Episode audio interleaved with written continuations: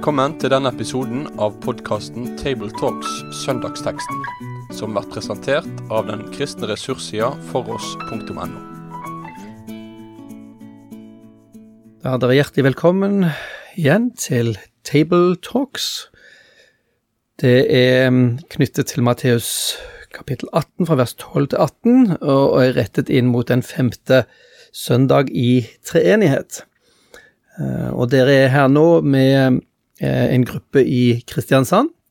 Mitt navn er Bjørn Hinderaker, eh, og er høyskolelektor på NLA-høgskolen i Kristiansand. Så har jeg med meg Mikael Brun, som er prest i Delk i Kristiansand. og Kurt Hjemdal, som er pensjonist og tidligere bibelskolerektor og litt av hvert. Flott, og da går vi eh, rett over på å lese eh, søndagens tekst i eh, Matteus kapittel 18, fra vers 12 og til 18. Og, og eh, nå ber vi deg, Mikael, om å lese denne teksten for oss. Ja, og da leser vi denne teksten i Jesu navn. Hva mener dere? Dersom en mann har hundre sauer, og en av dem går seg vill, forlater han ikke da de 99 i fjellet og går av sted og leter etter den som har gått seg vill? Og skulle han finne den, sannelig sier jeg dere, han gleder seg mer over den ene enn over de 99 som ikke har gått seg vill. Slik er det heller ikke deres himmelske fars vilje at en eneste av disse små skal gå fortapt. Men om din bror synder mot deg, så gå og tale ham til rette, han og du alene. Hører han på deg, har du vunnet din bror. Men hører han ikke, så ta med deg en eller to andre, for at enhver sak skal stå fast ved to eller tre vitners utsagn. Men vil han ikke høre på dem, da si det til menigheten. Hører han heller ikke på menigheten, da skal han være for deg som en hedning og en toller. Sannelig sier jeg dere, alt dere binder på jorden skal være bundet i himmelen, og alt dere løser på jorden skal være løst i himmelen. Slik lyder det hellige evangelium. Ja, takk skal du ha. Um, hvis vi nå, før vi går inn i selve teksten, uh, spør oss litt, hva, hva, er, hva er konteksten, hva er sammenhengen som uh, vår tekst hører til i? Kan, kan du si noe om det, Kurt? Ja, det skal jeg gjerne, og det er veldig interessant. For hvis du leser hele Matteus 18, så starter det med at eh, man spør hvem er den største i himmelriket, og Jesus henter et barn og sier her har du de største. Og så handler egentlig hele første halvdelen av dette kapittelet om barna. Og det er veldig interessant eh, når vi kommer til lignelsen om den bortkomne sauen. For hvis du ser i tekstene foran, så er det hele veien de små. Det kan brukes om disiplene, men med utgangspunkt i begynnelsen av kapittelet, så står det i hvert fall for meg slik at Jesus her ikke minst er opptatt av barna. Og den bortkomne sauen, eh, det er eh, i og for seg enhver som er borte fra Jesus, men i denne sammenheng så ser jeg han har en spesiell omsorg for de små. Og da tenker jeg ved meg selv, eh, Matteus har en litt annen vinkling på denne lignelsen som vi kjenner fra Lukas 15, der tollerne og synderne anklager Jesus for at han spiser Nei, det er, det er fariseerne og de skriftlærde anklager Jesus for å spise med tollere og syndere. Så, så forteller Jesus denne lignelsen.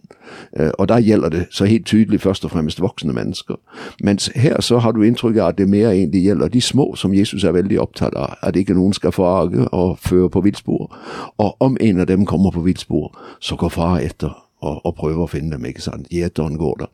Så, så for meg handler dette også veldig mye om dette at eh, ja, også små menneskebarn kan komme på villspor, og Gud har omsorg for dem. Og i forlengelse av det, så er det tydelig, så må det ikke begrenses, for så begynner han å tale om dette med hvis din bror har noe imot deg. Og så skjønner vi at det kan også være en av de bortkomne. Og jeg opplever jo at på den måten fører lignelsen over i en sjelesorgsamtale egentlig, hvor Jesus har talt om den ene som er gått vill, og så hvis din bror synder mot deg. Det kan være en måte å gå vill på. Hva gjør jeg da? Hvordan får jeg ham tilbake på plass? ikke sant? Hvis vi ser på den første delen her om, eh, om den ene sauen som går vill, og, uh, og hyrden som eh, går etter den ene og forlater de 99. Uh, hva tenker du, Mikael? Hva, hva, er, hva er det Jesus vil fortelle oss her med de første par versene?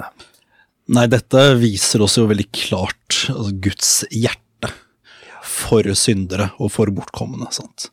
Det, det, viser oss Guds hjerte for, for alle oss som um, ja, vi, vi, har vært bortkomne, og stadig vekk så forviller vi oss litt bort også. Det, det, viser oss hvordan Gud stadig søker, uh, søker syndere og vil, uh, si, vil, oss det beste. Det er kanskje litt ullen måte å si det på, men jeg, tror kanskje folk vil skjønne hva jeg mener. At Gud, Gud ønsker virkelig at vi skal komme til tro, komme til omvendelse, ha fellesskap med ham. Mm. Mm, og at han vil gå han vil strekke seg, rett og slett, for å, mm. for å uh, gjennomføre det.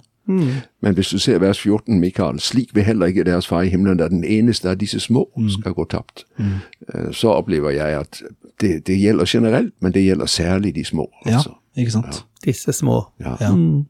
Og jeg tenker jo på en nasjon hvor vi fortsatt døper utrolig mange barn. Mm. Og hva gjør vi for å bevare dem? Og jeg tenker på alle de bortkomne i den sammenheng, alle de små som ikke blir fulgt opp. altså. Det, det, er et, det, er et, veldig viktig, um, veldig viktig poeng, og vi ser også det gjennom, gjennom alle evangeliene, hvordan, hvordan, Jesus har ekstra omsorg for de små. Og jeg, jeg har jo bakgrunn som, som, prest i Den norske kirke i, i, fem år, og har nok utvilsomt gjort meg skyldig i å døpe både, både ett og to barn, og sikkert mange flere, som uh, ikke har blitt fulgt opp skikkelig. Man vet aldri i hvilken grad de blir fulgt opp, uh, men um, det er jo en riktig si, riktig kritikk som, som, du kom med, og som var, var, en av mine store anfektelser i Den norske kirke. Og Jeg har jo også døpt utrolig mange barn i de årene jeg var prest. Og, og hvordan kunne vi holde dem fast og hjelpe dem så de ble hos Jesus? For, for det er jo utfordringen ikke sant, i en ja. folkekirke, altså. Hvis, ja. hvis, vi, hvis, vi, nå tenker oss altså, Jeg har jo av og til tenkt på oi, men hva med de, hva med de 99? Um, uh, er, er det noe vi har som står vel inne i og er blant de 99, er det noe vi trenger å, um, um, å ta, ta, med oss fra dette her. sant? Uh, vi vet at Jesus forlater de 99 for å gå etter den ene. Hva sier det om hvor, ja, poenget, poenget, er vel dette hvor dyrebare synderne er for Jesus. ikke sant? Han, han, gir alt for dem. Og så tenker jeg samtidig at i det ligger det et kall til oss. Da går vi ut av lignelsen. Men, men noe av min begrunnelse for i hele livet å ha vært aktiv i misjon, både indremisjon, ytremisjon og Israelsmisjon, det er jo nettopp denne Guds omsorg for de tapte. At jeg kjenner at han kaller meg inn eh, til å være redskap i den sammenheng. ikke sant? Hvordan kan vi få rakt evangeliet til de mange? Og jeg tror ikke det går an å være kristen og ha opplevd det selv å bli funnet, uten at det setter meg i bevegelse mot mennesker. Jeg må bære videre det jeg har fått se, så flere får del i det. Mm -hmm. jeg, jeg, tenker jo tenker meg en parallell til uh, fortellingen om den bortkomne sønn ja. hos Lukas. At um, ja, igjen som jeg sa i sted, at det viser oss uh, den store omsorgen som Gud har for de bortkomne. Så betyr ikke det at vi som på den måten ikke er bortkomne, ikke er viktige. Eh, det, det betyr det ikke. Eh, men at det lærer oss hvor utrolig viktig eh, de bortkomne er for Gud. Og at, at vi, det vi kan lære av det, er at vi ikke som den, den sønnen som ble igjen hjemme, og som sånn sett på mange måter hadde mye på stell, blir skal vi si, bitter og sur eller, eller andre ting. At vi, at, vi, at vi deler Guds glede over omvendelsen når vi ser den. Og det er jo veldig interessant at et av de steder hvor mennesker finner frem, det er blant alkoholikerne, de narkomane, de som virkelig sliter med livene sine. Så mange har så mye på stell at de har ikke bruk for dette, men, men, de vet noe om fortvilelsen. og Derfor ser jeg jo at i de sammenhenger er det en helt annen forståelse for hvem Jesus er og hva han vil. Og de sliter for livet, men, men, men der opplever du også undret, ikke sant? fordi de vet noe om fortapelsens smerte. Ja, jeg ble, ble, kjent med en veldig sterk historie fra min, uh, min kones hjemplass, uh, Elverum. Uh, hvor, hvor, du har en, en, tidligere narkoman og kriminell som, som har blitt en, blitt en, kristen, rett og slett. Og fått hele livet sitt snudd om. Det tror jeg er mye, mye, mye å lære i, i, den type fortellinger. Kanskje, kanskje også det det sier oss noe om dette med menighetsbygging. Vi er jo, vi som har holdt på med det, vi er jo også opptatt av å bygge fellesskapene, skape trygge relasjoner og la, la det bli et sted hvor folk har lyst til å komme. Men man kan bli fort eh, inn, innadrettet. Sant? At vi, vi, eksisterer ikke bare for vår klubb og vår klikk. Sant? Helt sant. Ja, det, det er jo menighetens eh, skal si, evige dobbelthet. Sant? Mm. Eh, hvordan, altså, hvordan fasiliterer man for folk som kommer utenfra, og hvordan altså, gir man også da føde til, til de 99? Sant? For det er jo, som, som prest så er jo det er en av mine viktigste oppgaver, sant? å faktisk gi mat til sauene, som, mm. som det heter i Bibelen. Bibelen og Um, samtidig nå uh, ja, nå, nå mennesker som ikke allerede kjenner evangeliet. Jeg er heldigvis ikke alene om den jobben i menigheten, men uh, Nei, og, og, kanskje det at vi trenger å tenke at våre fellesskap, ikke bare vi mm. som individer, men våre Absolutt. fellesskap åpner opp. Og jeg tenker jo ofte på våre bibelgrupper som er veldig eh, ofte veldig go godt sted å være, og du har fortrolighet, men ja. som fort da blir den trygge gruppen. Og jeg tenker det er en veldig viktig ting, at vi må tenke på å prøve å åpne fellesskapene våre opp.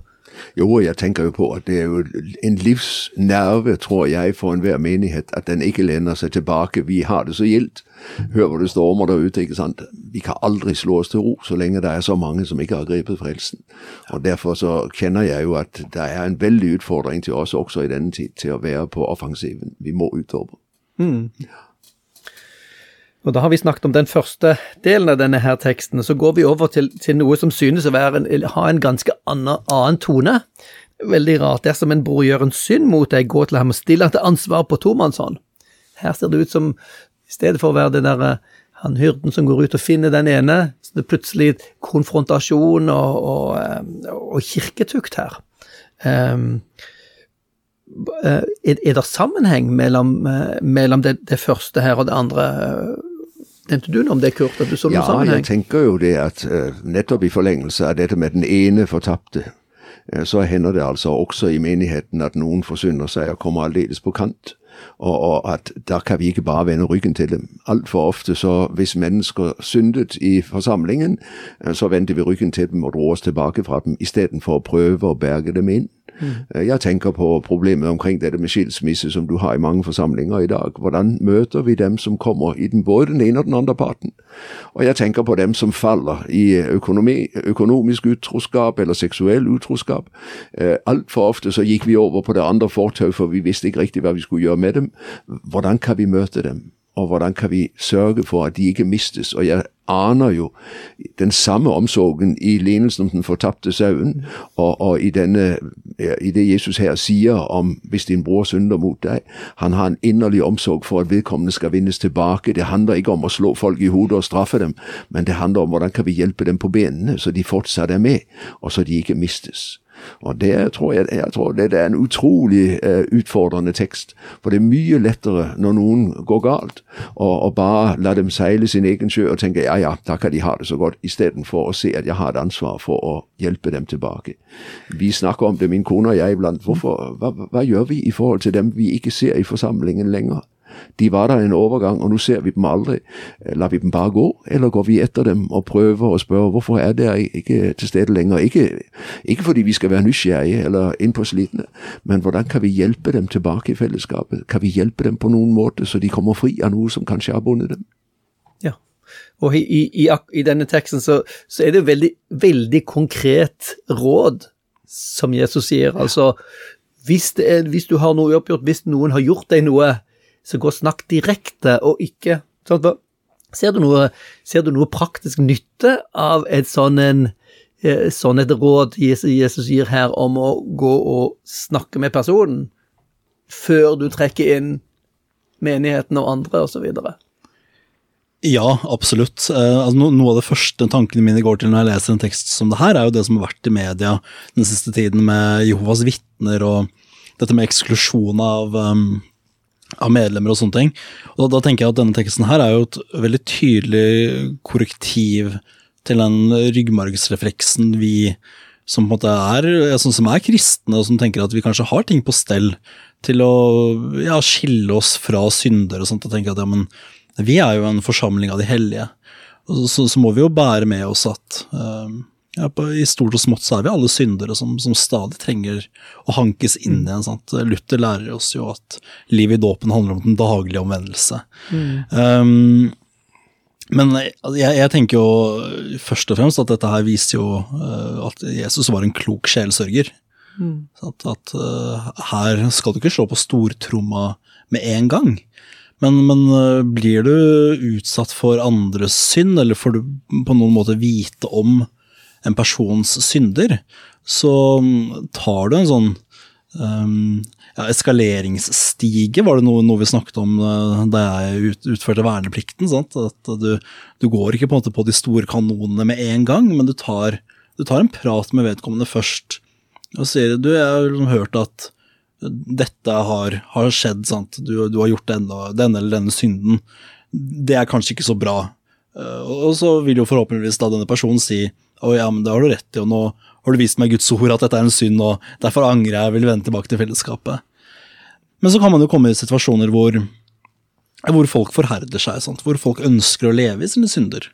Eh, og da, og da har du en sånn en trapp, rett og slett, hvor, eh, hvor, hvor man kan hjelpe synderen til å, til å innse alvoret. Du, du, nevnte jo kirketukt, og, eh, og, og før var mer brukt før, sånn dette, med å, dette med å nekte folk nattverd, f.eks. Um, høres ut som en fryktelig straff, um, men i hele kirkens historie har det vært forstått som egentlig et kjærlighetsmiddel. Sant? Hvor du skal hjelpe personen til å innse alvoret. Uh, at hvis du ikke vender deg om fra dette her, så, så, kan du ikke være en del av kirkens fellesskap. Så alvorlig er det. Uh, ikke fordi ikke vi andre er syndere, men fordi det handler om denne, denne, denne angeren, da, omvendelsen. Kan det være viktig å påpeke her nå at, at um, det, det som skjer her, skjer inn forbi det kristne fellesskapet. Så det, det, Dette er ikke vi som går rundt på gaten og forteller folk, alle naboer og, og sånt, byfolk, om hva de har gjort osv. Det, dette er folk som hører til i det kristne fellesskapet. Det står jo veldig tydelig. Hvis din ja. bror synder mot deg Vi er i det kristne fellesskapet mellom brødre og søstre. Og vi har ingen god historie. Jeg tenker på de unge jenter som plutselig var med barn hvordan de ofte ble frosset ut i forsamlingen. ikke sant? Dem kunne man se på at de hadde gjort noe de ikke skulle ha gjort. Mannfolka var det ingen som snakket om. Uh, her har vi en veldig lei historie, og jeg tenker på uh, mange ganger hvor mennesker også i skilsmissesituasjonen bare ble forlatt istedenfor at man prøvde å oppsøke dem og hjelpe dem og holde dem fast i forsamlingen. Jeg hørte akkurat nå igjennom en sånn situasjon hvor vedkommende ønsket å være der, og, og hvor det ble spurt hvordan, hvordan håndterer vi dette. Og det er ikke enkelt, men jeg tenker jo at kjærligheten den kan ikke bare støte ut. Kjærligheten den vil nettopp prøve å bevare og vinne tilbake.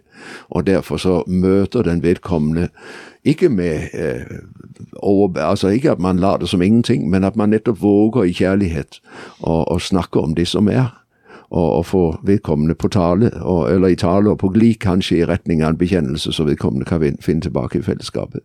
Men det er tøft, og særlig i en tid som vår, hvor så mange også i forsamlingene skiller seg og finner seg nye. Hvordan møter vi dette? Det er ikke enkelt. Paulus sier dette, vet du, at enten må de leve atskilt, eller også må de forsone seg. Og så ser vi om igjen og om igjen at kristne mennesker skiller seg og finner seg en ny og gifter seg. Og, og hvordan skal vi som kristne møte dette som sjelesørgere på en sånn måte at vi verken aksepterer synden, men heller ikke tar livet av synderen? Det er en, litt av en sjelesørgerisk og menighetsmessig utfordring i dagens situasjon. Og så er det er jo her dette her trinn, trinnvise tingen her. Jeg, jeg, tenker det er ikke noen veldig viktige lærdommer vi har som menighet her, i forhold til hvor, hvor vi begynner, sant. Um, ja, der, der, tror jeg vi har mye, mye å lære. Jeg, jeg har, har, etter hvert begynt å se at denne refleksen til å baksnakke og sladre, det, det er jo en sånn menneskelig grunnsynd. Um, og det, det, tror jeg nok at det skjer mye av, sånn at man, at man går rundt og snakker om andre Eh, skal si, bak ryggene deres, heller enn å faktisk um, ta, det den, ta det med den det gjelder, sant, når det kommer til uh, konkrete synder. Og det, det, Jeg har også tenkt mye på dette som Kurt nevnte, dette med, ja, med unge gravide mødre da, som blir gravide utenfor, um, utenfor ekteskapet, som, hvor, hvor, kirken har en fryktelig historie, rett og slett. Um, det, det, er jo sånn trend at man skal drive og beklage ting for tiden, og det er ikke jeg så glad i, men, men det er klart at der har nok kirken på mange måter gjort en urett. Fordi det, det eneste som skiller de synderne fra andre, andre synder, er at de, de får en kule på magen og et, eh, og et barn de må på en måte bære med seg. De har en sånn konkret eh, frukt av sin synd, mens vi, men, mens vi vet jo at er, altså, statistikken viser oss at mest sannsynlig mange mange unge menn hos oss eh, er jo storforbrukere av pornografi, f.eks. Det er det ingen som ser. Um, og det, det, det er jo, å leve i den synden er jo verre enn å gå på én smell, på en måte. Jo, og pluss at, pluss at det urettferdige er jo det jentene man tar, man tar aldri Ja, guttene. ikke sant? Og det er jo helt forferdelig. Jeg mener, det er jo hans ansvar, minst like mye Ja, som det er jo mannens ansvar, definitivt. Ja, ja. Men, men jeg har opplevd noe interessant i vår eh, samarbeidskirke i India. Jeg fikk lov å være landsstyreleder i Nordmisjonen i noen år, og var i India og besøkte vår samarbeidskirke der ute.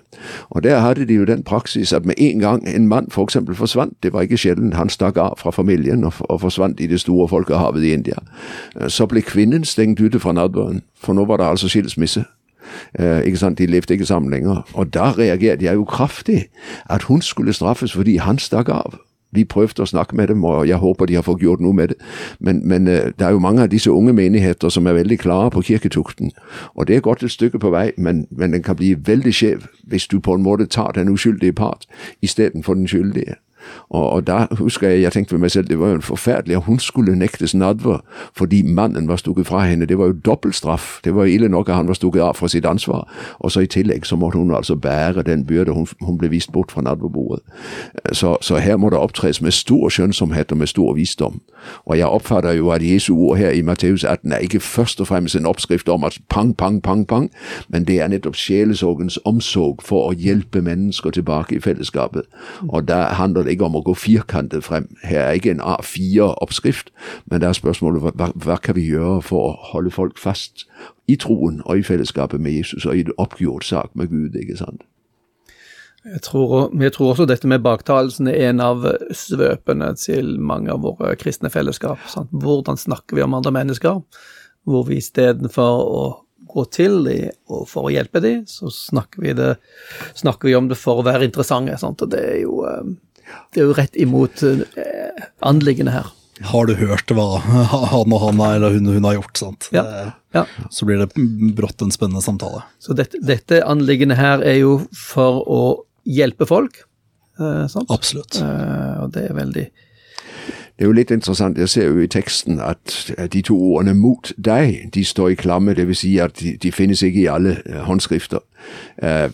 Dersom din bror gjør en synd, så gå til ham og still ham. og Det er jo der vi tenker ofte. Men det er jo interessant også at det altså i noen håndskrifter står 'dersom din bror gjør en synd mot deg'. Og det er jo også viktig, istedenfor å bli fornærmet og trekke seg unna, at jeg heller våger å utfordre og oppsøke vedkommende og spørre hvorfor, hvorfor gjorde du det? Eh, hva- vil du oppnå med det? Og kan ikke vi bygge en bro på nytt, så ikke kontakten er, er borte? Eh, Jeg tenker på alle de familier i dag som sliter med relasjonene. Alle de foreldre som opplever barna vil ikke snakke med dem, de kommer ikke hjem lenger. Eh, Det er fryktelig tøft, og her ligger det i hvert fall en utfordring til at vi også er på offensiven. Hvordan kan vi hjelpe våre eh, troende venner til å gå det første skritt, også selv om de egentlig var de uskyldige? Dersom din bror gjør en synd mot deg, så oppsøk ham. Ikke vent på at han skal komme, men begynn å gå. Eh, Jeg tror det ligger en utfordring der også. Og så er det det siste verset eh, vi også må ta for oss her, eh, hvor Jesus sier en, en setning som kan høres veldig merkelig ut for oss. Eh, Sannelig, jeg sier dere, alt dere binder på jorden, skal være bundet i himmelen. Alt dere løser på jorden, skal være løst i himmelen. Hva er dette med binde og løse? Da kan det være at Kurt må, må hjelpe meg litt med, med bibelreferansen, men for dette her er jo en tekst som gir gjenklang i andre, andre steder i evangeliene. Matteus 16, når Jesus eh, spør Peter, hvem sier dere at jeg er, så svarer Peter, du er, du er Messias, Ja. den levende Guds sønn. Og så er det Jesus sier til Peter, du er klippen. Og så gir han ham løse og bindemakten, ikke sant? Ja. Nøklene, himmelrikets nøkler. Stemmer. Og om det, om det er samme sted eller om det er et annet sted hvor Jesus um, ånder på dem og sier ta imot Den hellige Det er Johannes 20. Det er Johannes 20 også og sier der, han igjen, der knytter han igjen ordet om bind og løse makten til. Sant. Helt riktig. Og det gjøres jo ikke like tydelig i denne teksten, men, men andre steder da, så, så snakkes det jo da om dersom dere tilgir noen syndene, så er de tilgitt, og dersom, dersom, um, de, dersom de fastholdes, um, så er de fastholdt. Eh, så der, der er du nesten igjen eh, inne på dette med kirketukten. Men ikke bare kirketukt på, på den måten på den måten forstått, eh, som, som noe litt strengt eh, sånn sett. Men altså dersom du det du løser, og det, det, du tilgir, og da, da mine, mine tanker som det som har blitt omtalt som en luthersk tradisjonalist, går til skriftemålet. Sant? Hvor, um, hvor det, det er en ting jeg vil gjerne bruke mulighetene mine til å snakke varmt om. Sant? Dette å gå til en prest eller en annen, annen kristen og bekjenne sine synder. Legge det fram og, og faktisk få det tydelige tilsagnet om at når du nå har bekjent, så er denne synden tilgitt. Jeg syns det er veldig spennende, og jeg har veldig sans for det du sier, Mikael, med skriftemålet. Jeg tenker jo også i den sammenheng på forkynnelsen. Fordi forkynnelsen i, i skriftemålet er jo egentlig bare en direkte forkynnelse til den enkelte.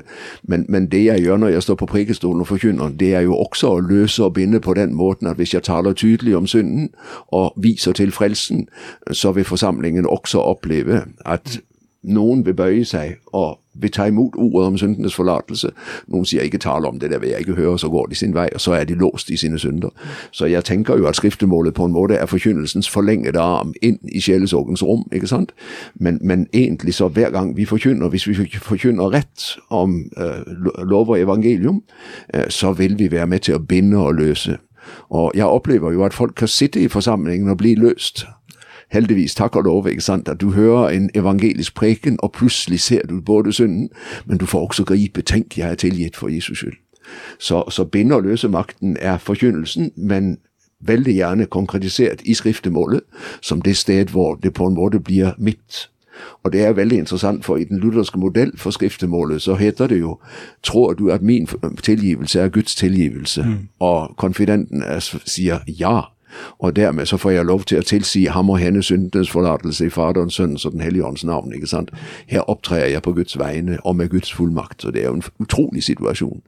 Og har du vært med på det og sett at folk virkelig er blitt fri av noe de har vært bundet av, ja, så er det bare hallelujastemning og, og glory, glory, altså. For det er fantastisk, ikke sant. Jeg får lov å legge noe bak meg og vite det er ikke lenger meg. Jeg er fri i Kristus. Så, så det er en utrolig sak. Så, Og- ja. så, det, så, så det, det du sier at det dette betyr, Ja. det med å, å binde og løse, er å være bundet til den skylden jeg har, fordi jeg velger å ikke ta imot tilgivelsen, altså, og blir jeg løst fordi jeg tar imot Og har, tilgivelsen. har forkynnelsen lytt rett, så har forsamlingen hørt hva som er synden. Og så blir det jo den enkeltes ansvar, kan du si, under forkynnelsen, enten å bøye seg eller avvise det. ikke sant? Og det er jo der jeg henholdsvis løses eller bindes, alt etter hvordan jeg forholder meg. Jeg tenker på den rike unge mann. Jesus sa til ham, gå bort og selg alt det du eier, og gi det til de fattige. Kom så og følg meg. Og han gikk bedrøvet bort. Han lot seg ikke løse, for han var så låst til sin rikdom. ikke sant? Og, og det samme med synden. Så mange er så øh, låst til sin synd at de er ikke villige til å slippe den. Og da kan de kalle seg kristne så mye de vil, men det hjelper ingenting. Jeg, jeg tror også dette her er et viktig korrektiv til mye av den skal jeg si, ja, forkynnelsen vi, vi også hører fra noen sammenhenger i dag, om at synd, synd enten ikke er synd, eller at det er tillatt, eller, eller andre ting. sant? Um, nettopp fordi dette her er noe som understreker alvoret i det.